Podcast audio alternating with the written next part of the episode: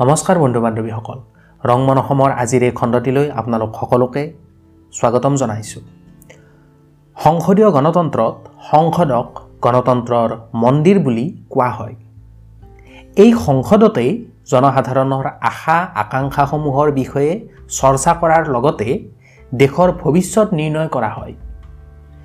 যোৱা দহ ডিচেম্বৰ তাৰিখে ভাৰতৰ প্ৰধানমন্ত্ৰী নৰেন্দ্ৰ মোদী ডাঙৰীয়াই নতুন সংসদ ভৱনৰ লাই খুঁটা স্থাপন কৰে।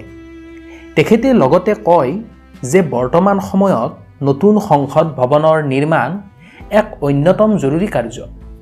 কাৰণ অত্যাধুনিক সা সুবিধাযুক্ত নতুন সংসদ ভৱনটোৱে সংসদৰ কাম কাজ সুচাৰুৰূপে পৰিচালনা কৰাত সহায় কৰিব।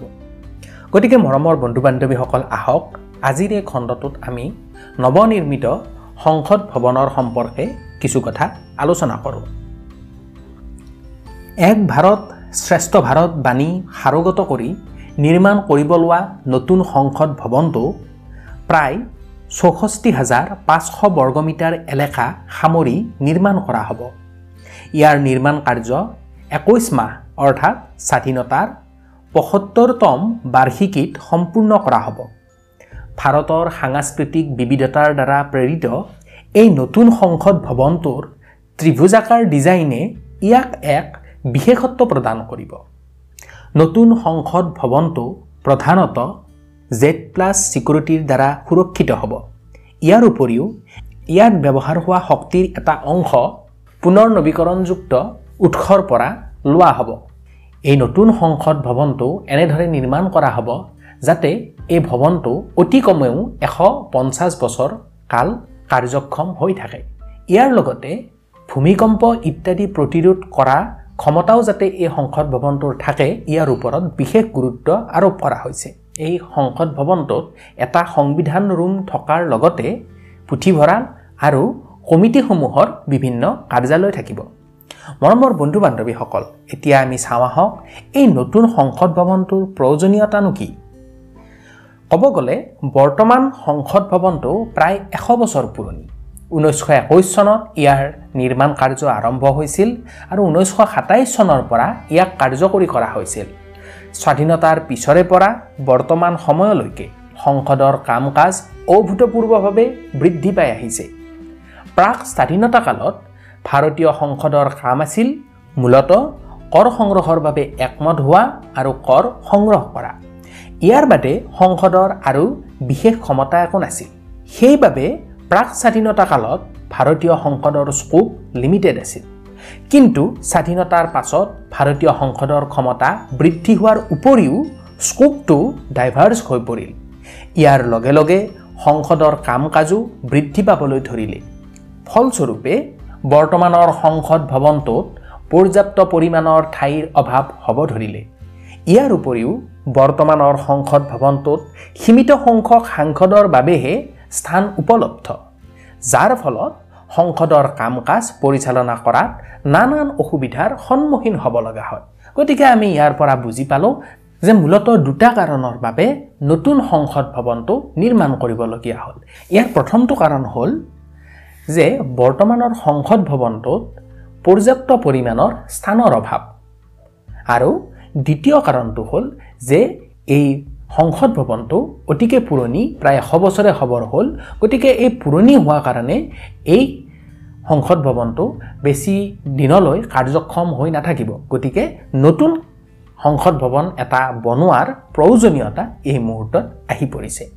মৰমৰ বন্ধু বান্ধৱীসকল এতিয়া আমি চাওঁ আহক বৰ্তমানৰ সংসদ ভৱনটোৰ ক্ৰমবিকাশ সম্পৰ্কে কিছু কথা। নতুন সংসদ ভৱনৰ নিৰ্মাণ হঠাতে লোৱা সিদ্ধান্ত নহয়। পুৰণি ভৱনটোৰ আনুষংগিক ভৱনসমূহৰ নিৰ্মাণ কাৰ্য আগৰে পৰাই প্ৰয়োজন অনুসৰি কৰি থকা হৈছিল। উদাহৰণস্বৰূপে ষাঠিৰ দশকতে সংসদ ভৱনৰ ছেক্ৰেটেৰিয়েট বিল্ডিংটো নিৰ্মাণ কৰা হৈছিল।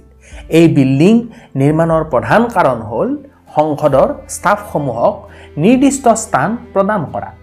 কমিটিসমূহৰ মিটিঙৰ বাবে কমিটি ৰুম আৰু অন্যান্য সা সুবিধা যেনে সাংসদসমূহৰ বাবে স্বাস্থ্যসেৱাৰ সুবিধা পাব্লিক ৰিচিপশ্যন ৰুম ইত্যাদি। ইয়াৰ উপৰিও সংসদৰ কাম কাজ বৃদ্ধিৰ লগে লগে আন কিছু বিল্ডিঙৰ প্ৰয়োজনীয়তাও আহি পৰিছিল।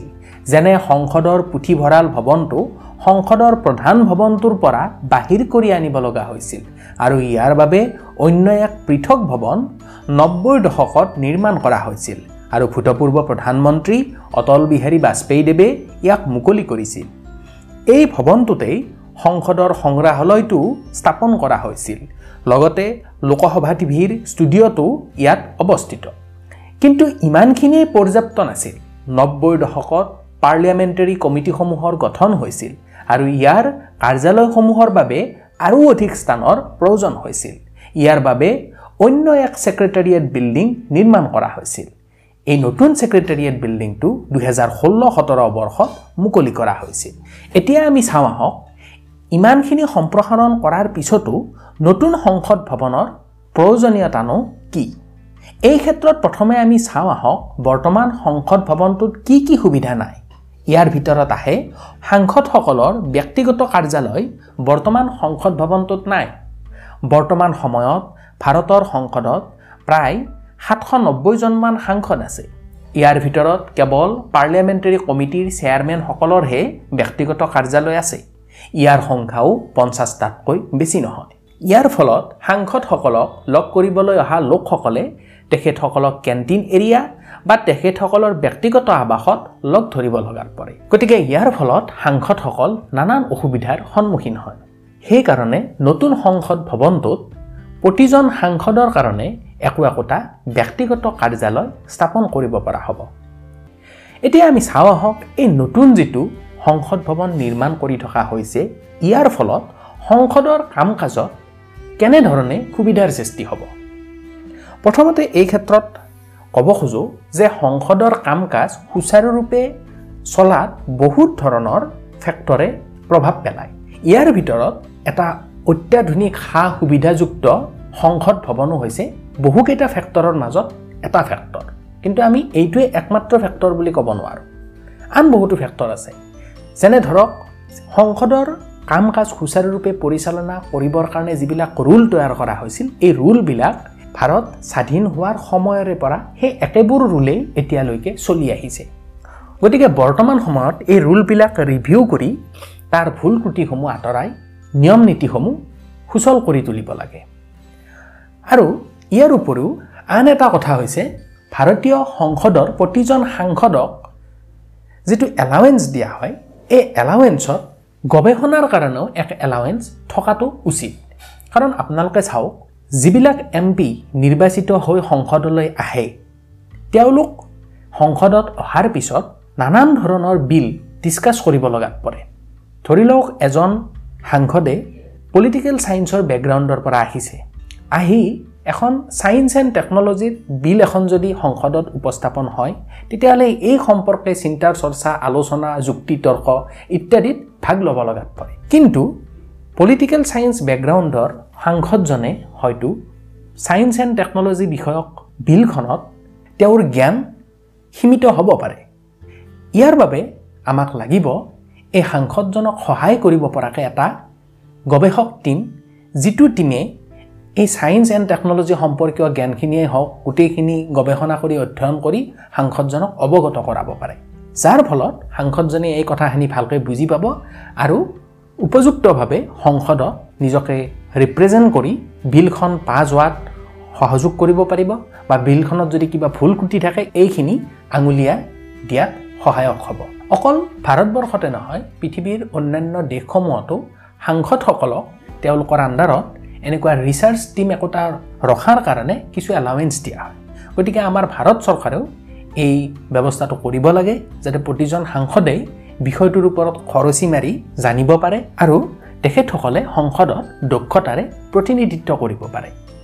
ইয়াৰ উপৰিও আন এটা কথা হ'ল যে সংসদক আমাৰ সাধাৰণ জনতাৰ লগত চিনাকি কৰাই দিব লাগিব। ইয়াত ইয়াকে ক'ব বিচৰা হৈছে যে সংসদক সাধাৰণ জনতাৰ ওচৰলৈ লৈ যাব লাগিব। হয় সাধাৰণ জনতাই টিভিৰ পৰ্দাত সংসদৰ কাম কাজসমূহ চাব পাৰে বা কেতিয়াবা সংসদ ভৱনলৈ আহিও ইয়াৰ কাম কাজসমূহ প্ৰত্যক্ষ কৰিব পাৰে। কিন্তু পৃথিৱীৰ অন্যান্য দেশ যেনে আমেৰিকাই হওক বা কানাডাই হওক এইসমূহ দেশত জনসাধাৰণে সংসদৰ আটাইবিলাক কাম কাজ ডাইৰেক্টলি প্ৰত্যক্ষ কৰিব পাৰে। কিন্তু আমাৰ ভাৰতত এই সুবিধাটো ইমান এটা সুচল নহয়। গতিকে এই ক্ষেত্ৰতো নতুনকৈ নীতি নিয়ম নিৰ্ধাৰণ কৰি সম্পূৰ্ণ সুৰক্ষিতভাৱে জনসাধাৰণক সংসদৰ কাম কাজ প্ৰত্যক্ষ কৰাত সুবিধা কৰি দিব লাগে। মৰমৰ বন্ধু বান্ধৱীসকল আজিৰ খণ্ডটোত আমি নতুন সংসদ ভৱনটোৰ বিষয়ে কিছু কথা আলোচনা কৰিছোঁ। আশা কৰিছোঁ আপোনালোকে আজিৰ খণ্ডটো শুনি ভাল পালে। অহা খণ্ডত অন্য এক নতুন বিষয় লৈ আপোনালোকৰ ওচৰত উপস্থিত হোৱাৰ প্ৰতিশ্ৰুতিৰে আজিলৈ বিদায় লৈছোঁ। আপোনালোকক বহুত বহুত ধন্যবাদ।